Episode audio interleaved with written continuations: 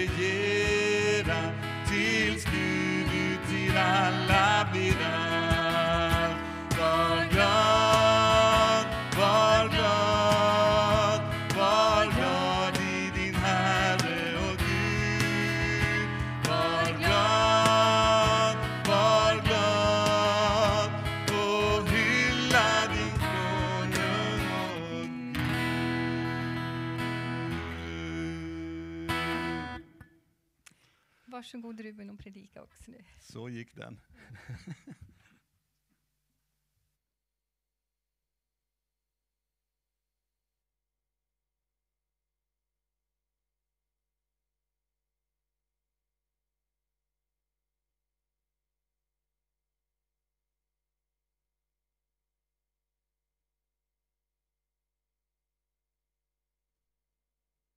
Är det, är det ett, två, ett, två, ett, två. Hej. Hej. Är det någon av er som följer kyrkoårets texter? Hand upp.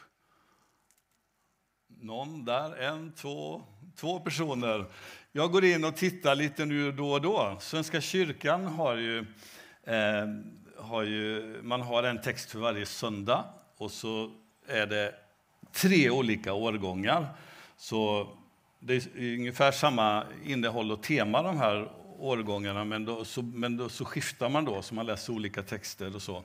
Så sveper man över hela eh, Bibeln kan man säga, och här i adventstider så har ju kyrkoåret börjat eh, Eh, på nytt och så går man över liksom, att Jesus ska komma och födas och så är det jul och Eh, och sen är det 13 dagar och sen händer det en massa saker och fram till, till eh, påsk och eh, Kristi himmelsfärd och efter det så fortsätter vi att läsa om, om eh, olika gärningar och Kristi liv och så vidare.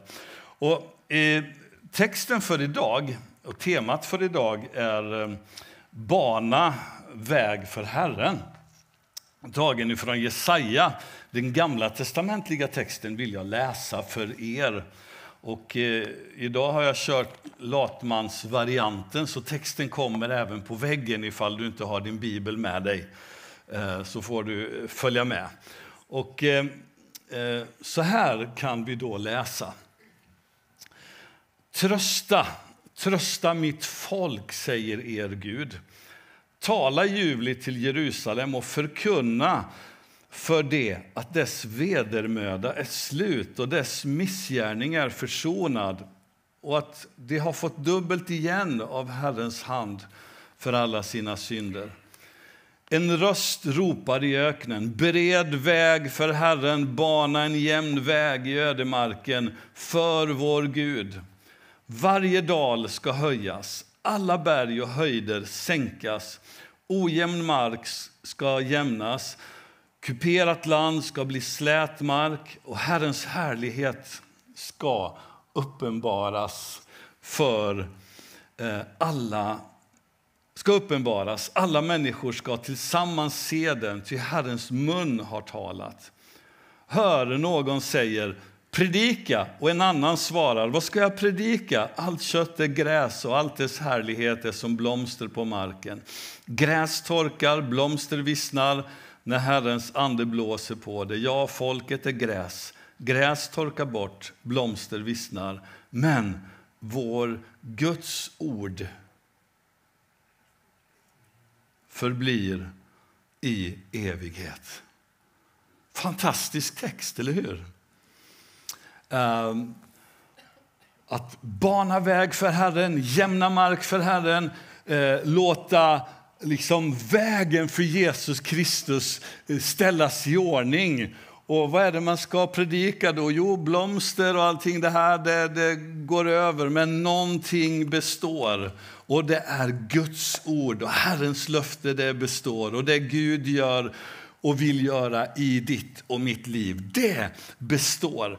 Och det är ju det här som Johannes döparen predikade om. Precis som Ingalill läste i inledningen här av gudstjänsten ifrån hennes gamla barnens bibel om Johannes döparen som, som säger ja, en röst som ropar i öknen.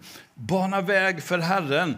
Och han predikade om Jesus Kristus, förkunnade budskapet.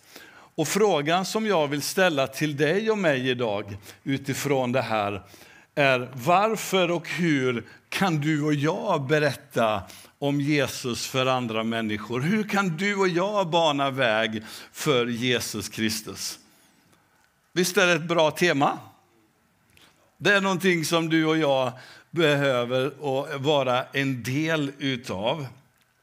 Ehm, när vi ser på kyrkans historia så är det väldigt tydligt att det finns något som är oerhört smittosamt kring den kristna tron. Budskapet om Jesus Kristus. Det började med några få människor för 2000 år sedan. Eh, och sen så tog det fart. Och idag så är det inte bara tusentals och inte miljontals utan det är faktiskt fler än, än, alltså det är miljarder människor som är kristna som har tagit emot Jesus Kristus som sin Herre och Mästare, fått sina liv förvandlade. Men ibland kan ju några av oss kanske vara lite för intensiva när det gäller att dela tron med andra. Två personer var ute och knackade dörr. Det är inte alltid så populärt i alla lägen att knacka dörr, men två var ute och knackade dörr för att dela med sig av det glada budskapet. Och när eh, de knackade dörr på ett ställe där så öppnade damen dörren. Och när hon förstod vad det var för någonting så smällde hon igen dörren så mycket hon bara orkade. Men dörren gick inte riktigt igen. Så hon tänkte väl att någon av de här två som har kommit har ju satt sin fot emellan.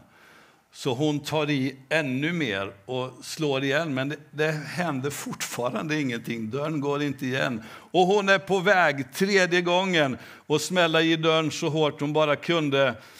Men då säger någon av dem som knackade på dörren, ursäkta innan du gör det där så vore det ingen dum idé om du tog bort din katt.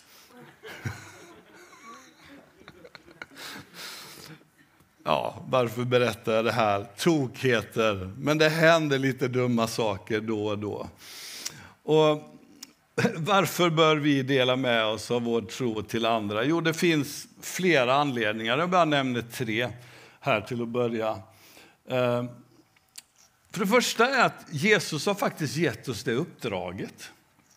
Vi har fått det uppdraget av Jesus Kristus själv. Han sa gå ut i hela världen och, och predika evangelium för allt skapat. Vi möter det här i slutet på Matteus evangeliet, vi möter det här i slutet på Markus evangeliet. Vi möter det här på olika ställen, hur Jesus sänder ut sina lärjungar. Och ordet gå förekommer faktiskt mer än 1500 gånger i Bibeln. Jag har inte räknat dem själv, utan jag slog upp det. Eh, och I Nya testamentet så finns det 233 gånger. Gå till de förlorade fåren. Gå och säg till Johannes. Gå och bjud alla ni träffar på till festen. Gå ut i hela världen. Gå, står det. Så en anledning är att Jesus bjuder oss att gå.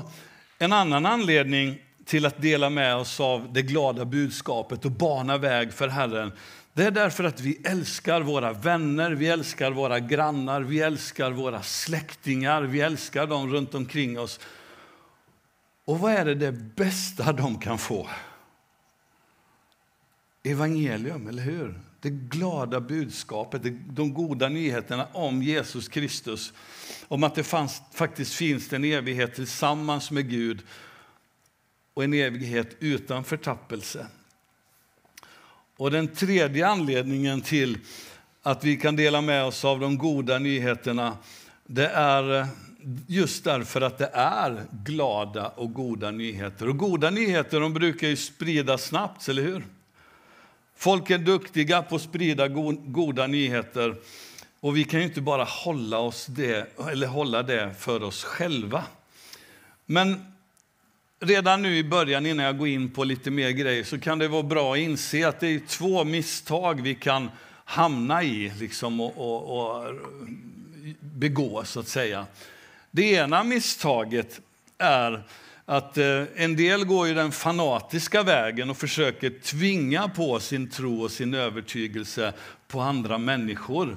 Och det är ingen bra väg.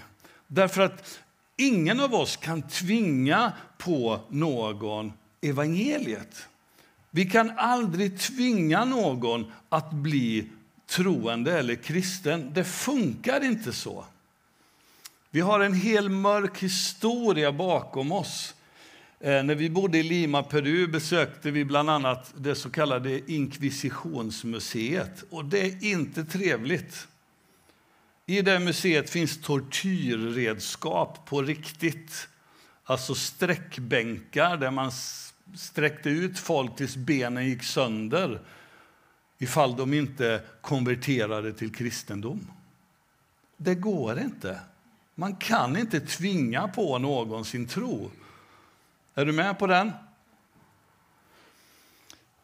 Och Det andra diket är ju att inte säga någonting alls överhuvudtaget. Det vara helt tysta, helt anonym. Oh, hoppas ingen upptäcker att jag är troende och jag är kristen.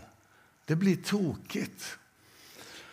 Så nyckeln till, eh, nyckeln till att undvika dessa två är att verkligen bry sig om personen som du delar evangelium med, alltså med hjärtat, och lita på Gud. Att Gud gör verket. Så jag har några, några tips för oss här. då. Och Det första är lev ut budskapet. Verkligen lev ut budskapet. Det berättas om en man som gick på en strand i, i, i på Mexikos stränder. Och där såg han något märkligt. Stranden var täckt av tiotusentals sjöstjärnor. Det var ebb. Vattnet hade runnit undan och där var de här stjärnorna i solhettan. Och och de var på väg att dö ut, så han tar stjärna efter stjärna och han slänger in dem i, i vattnet längre ner. Och till sist är det en man som står lite längre upp på en kulle och ser allt det här. Och, och, och han ropade Hej! Är du tokig eller är du knäpp? Tror du att du kan rädda alla de här tusentals stjärnorna som ligger på stranden? Och killen eller den här mannen han tittar upp på den andra som ropade, tar en stjärna till och så slänger han i det och så säger han För den här stjärnan spelade roll. Och du och jag kan inte frälsa hela världen, du och jag kan inte rädda hela världen, men du och jag har någon i vår närhet som behöver få höra det goda, de goda nyheterna om Jesus Kristus. Så kanske är det så att du är den enda personen som den där människan känner till som är kristen. Det kan vara så.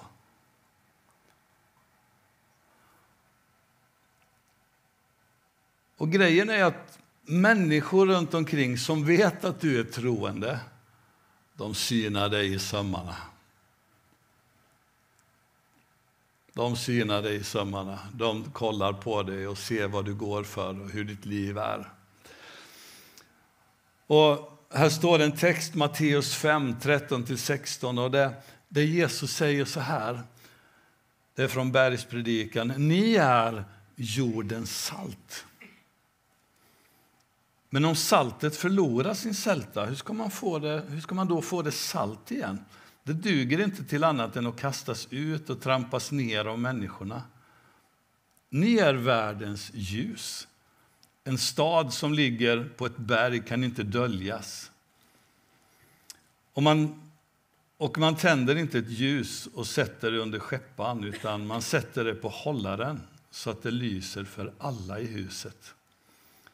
På samma sätt ska ert ljus lysa för människorna så de ser era goda gärningar och prisar er far i himmelen. Det finns mycket som Bibeln talar om på det sättet hur vi kan visa att Gud är nära.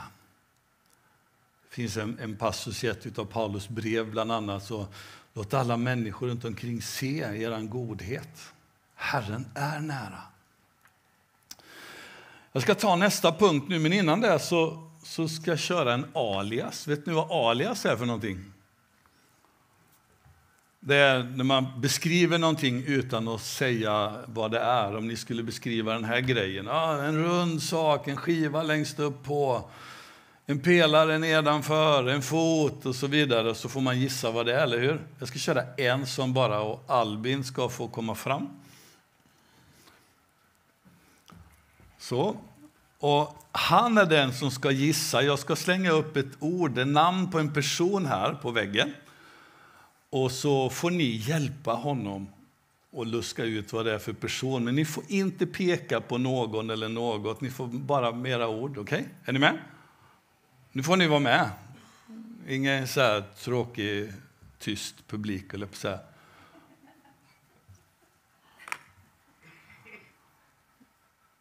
Vad står det på väggen? Vem är det? Hjälp honom.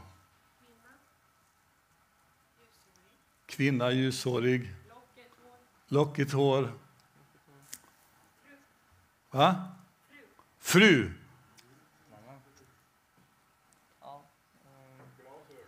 Glasögon.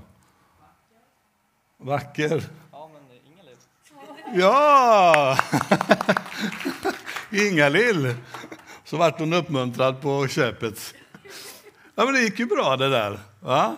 Och då kom jag till min nästa punkt. Tala budskapet. Det första var lev ut budskapet, eller hur? Eller vad hade jag för punkt? Ja, lev ut budskapet. Jag är inte så gammal än så jag börjar bli glömsk, men det är på gång. Tala budskapet.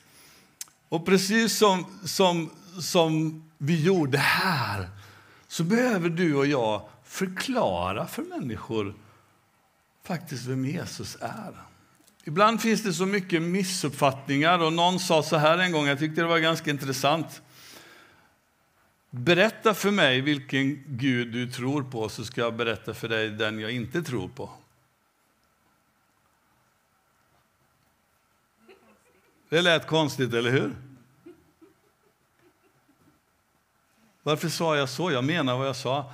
Därför att människor har så konstiga uppfattningar om vem Jesus är. Och då kan du och jag komma överens med den personen och säga, jag tror inte heller på den guden som du beskriver. Bibelns Gud, Jesus Kristus, han är helt annorlunda. Han är så här. Han är nåd och sanning, han är frid, han är hopp. Han är god. Han är upprättande, upplyftande, han helar, han, han lagar det som är trasigt. Han bryr sig, han till och med dog på ett kors för dig och mig. Så mycket älskar han dig.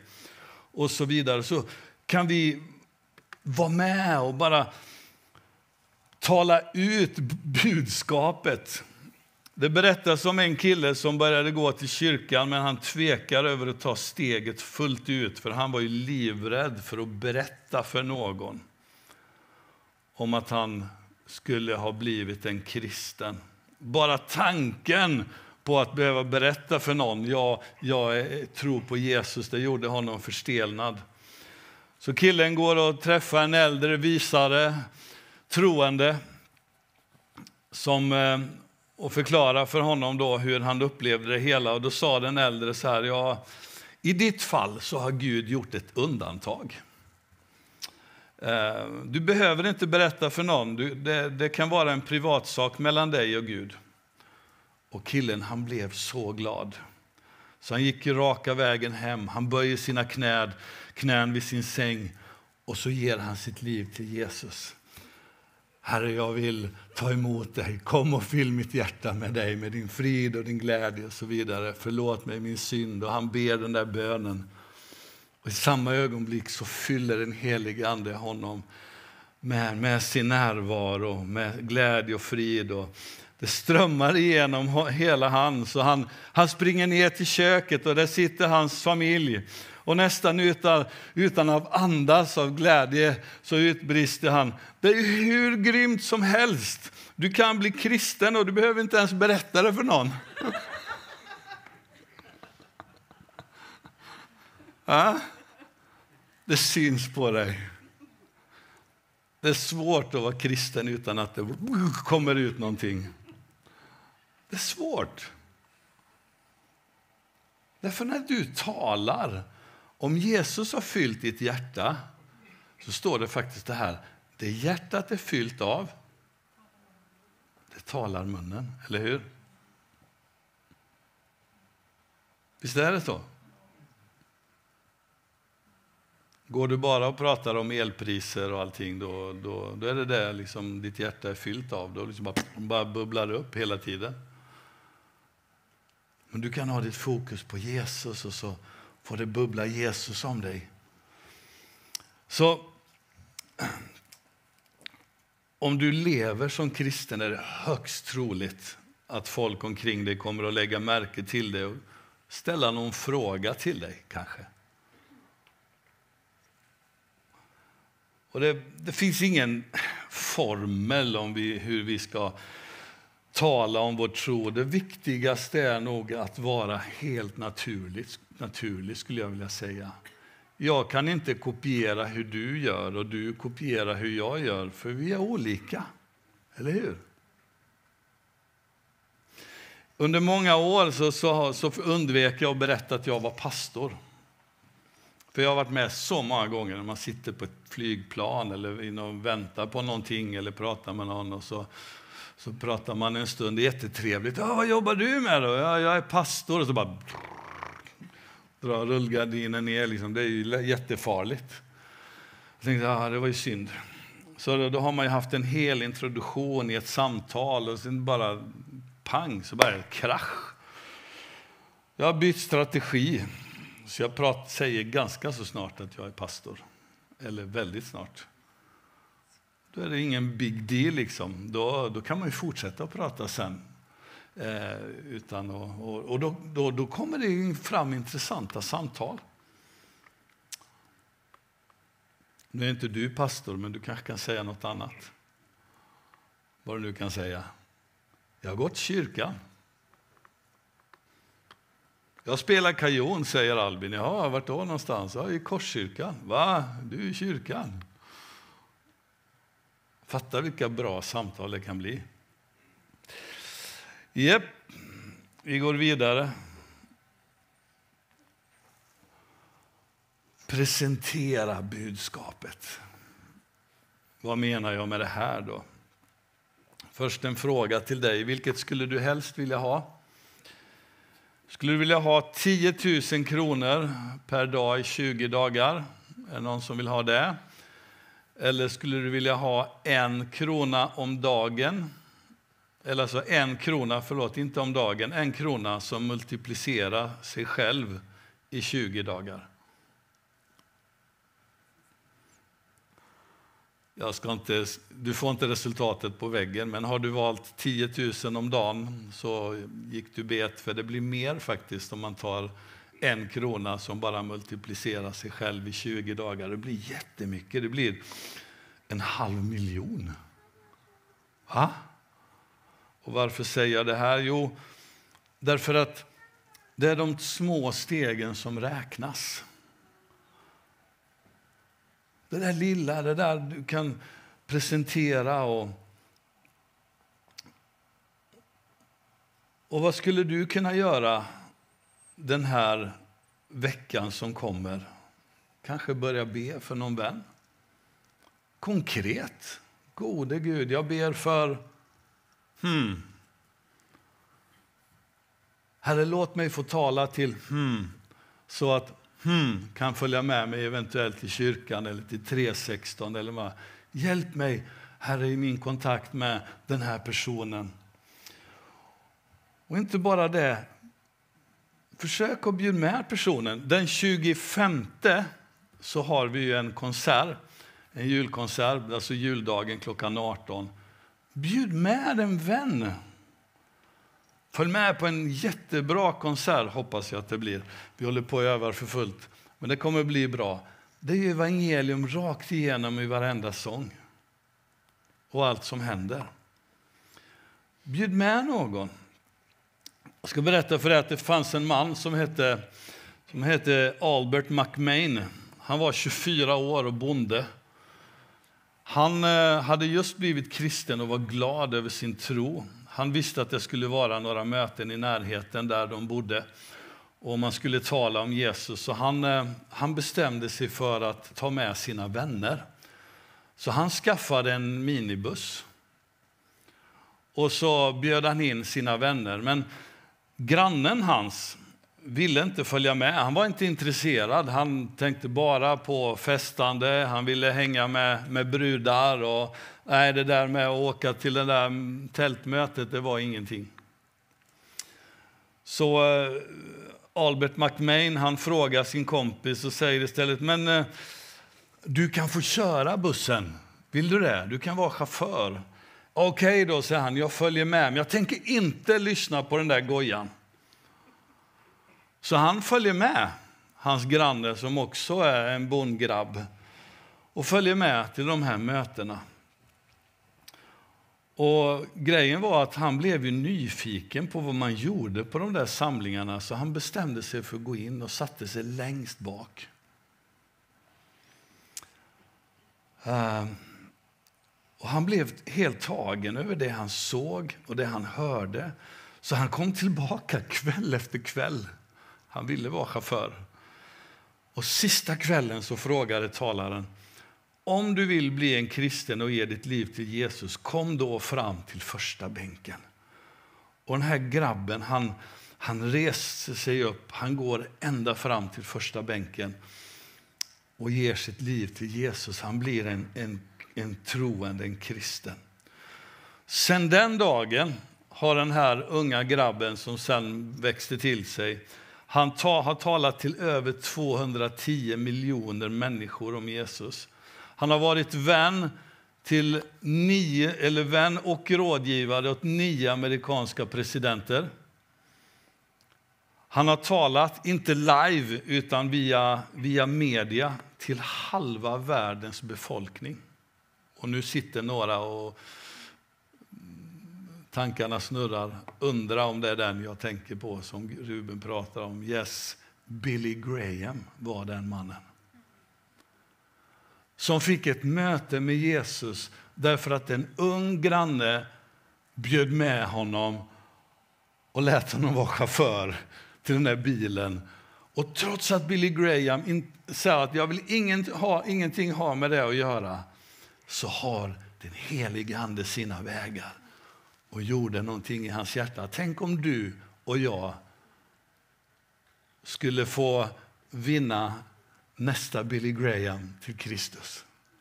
Ja? Det är ju fantastiskt. Vi, du och jag kan inte ana vad som kan hända.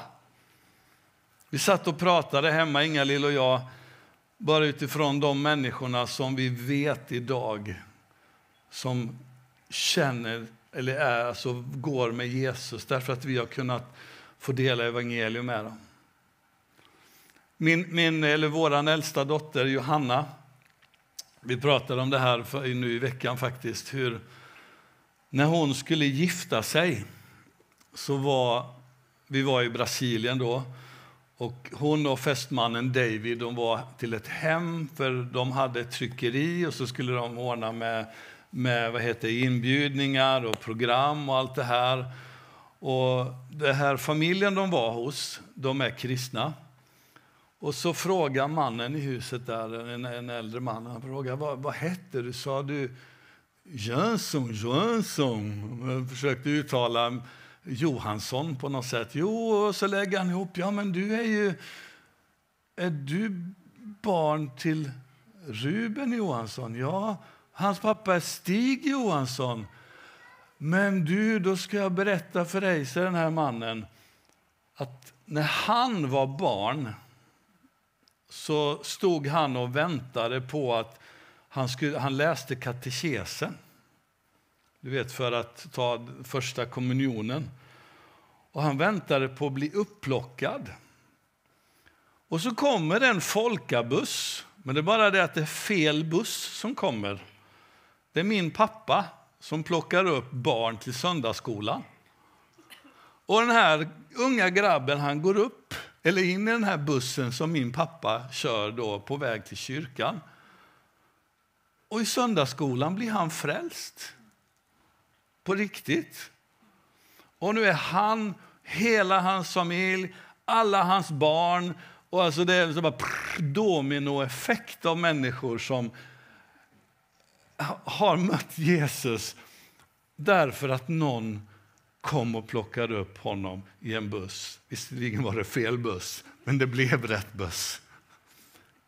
Vilken härlig historia, eller hur? Och tänk om du och jag kunde plocka upp fel människa, eller på att säga. Ni förstår vad jag menar. Bara få ge evangelium. Jag har några punkter kvar. Jag ska inte fråga om ni orkar, för då brukar ni säga ja, och ni menar inte det. Ni får orka. Men bara texten som jag har med där, Johannes, första Johannes, eller det är fel, det ska vara Johannes evangeliet, förlåt. En etta kom med för mycket där. I Johannes 1 så eh, har ju Johannes lärjungar smugit efter Jesus.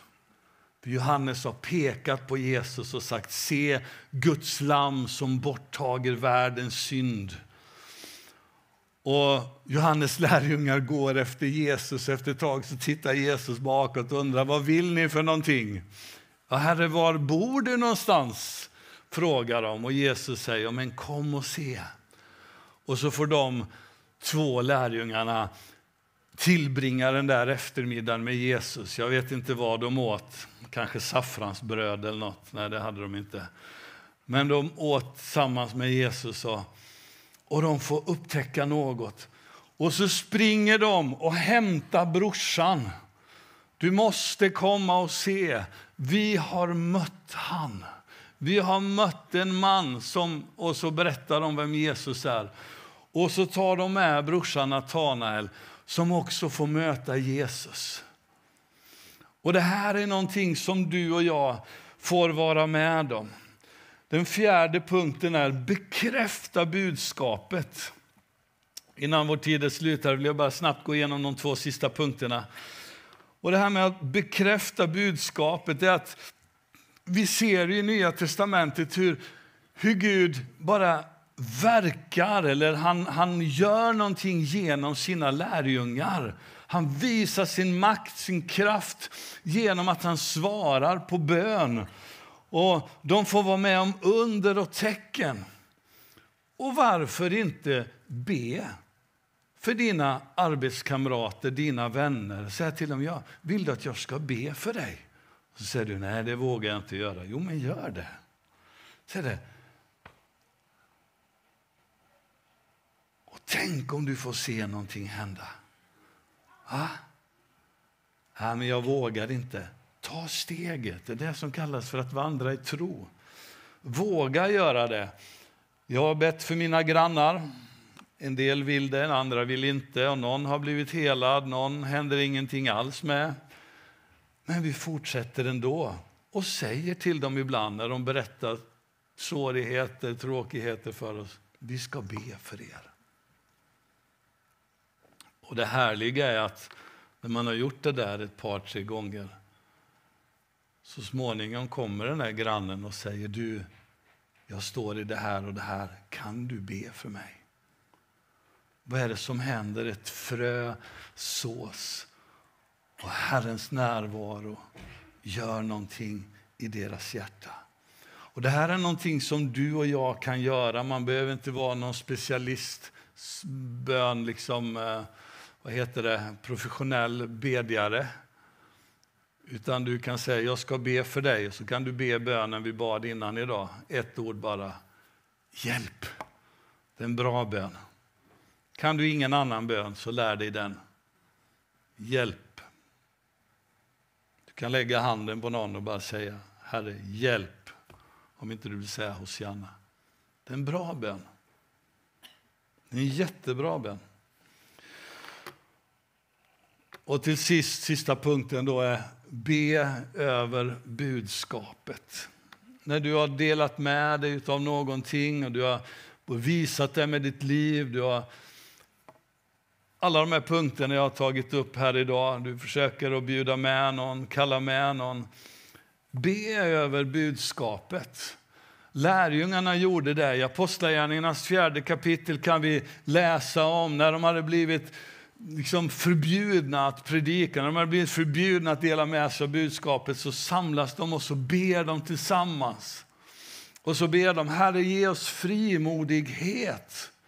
Ge oss frimodighet så att vi kan förkunna budskapet. Bekräfta, Herre, genom tecken och under och så vidare. Det står att när de hade slutat att be så skakade platsen. Det är en bön som behagar Gud, en bön där du och jag får be om Gud, hjälp oss att vara en missionell församling. Hjälp oss att vara en församling som delar med oss av evangelium. Hjälp oss att vara en församling som talar ut budskapet, som presenterar budskapet, som bekräftar budskapet, som ber över budskapet. Allt det här vill vi vara tillsammans. Och grejen är den att någon gång har jag visat dig, dig min telefon. När jag tittar på Google Maps, jag ser där, där, där, där, där, där i Ludvika. Där brinner Guds eld. Och det är så gott att se det, för nu är vi tillsammans och vet också att lite längre bort så är någon annan som gör likadant som jag. Då är det som att tända en mängd olika eldar. Jag minns en familjegudstjänst vi hade här en söndag. Och så tände man ljus i den där ljusbäraren. Jag tror den stod här framme i mitten. Och till sist så blev det brandfarligt. För det var så många ljus och man kände hettan av de här ljusen tillsammans. Och några faktiskt smälte ner så vi fick ju släcka ner den här allt sammans för att liksom vara på säkra sidan. Om du tänder ett litet ljus, du tänder ett och du ett och du ett och du ett och du ett och du ett. Fatta vilket ljussken det kan bli. Eller hur?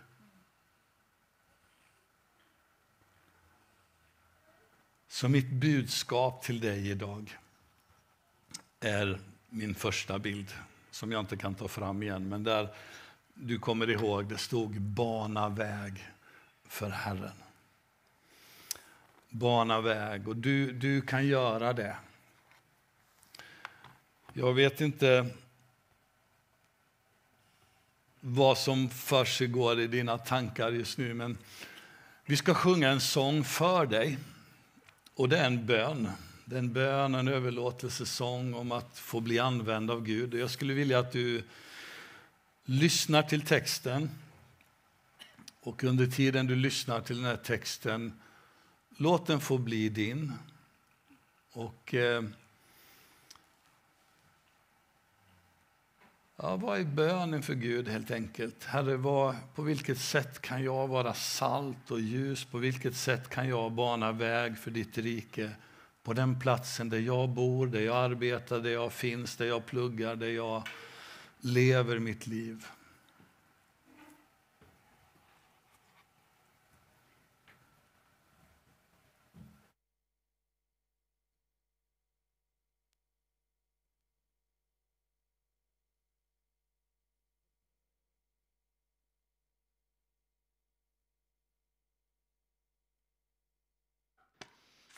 Herre, jag tackar dig för att du har talat till våra hjärtan idag.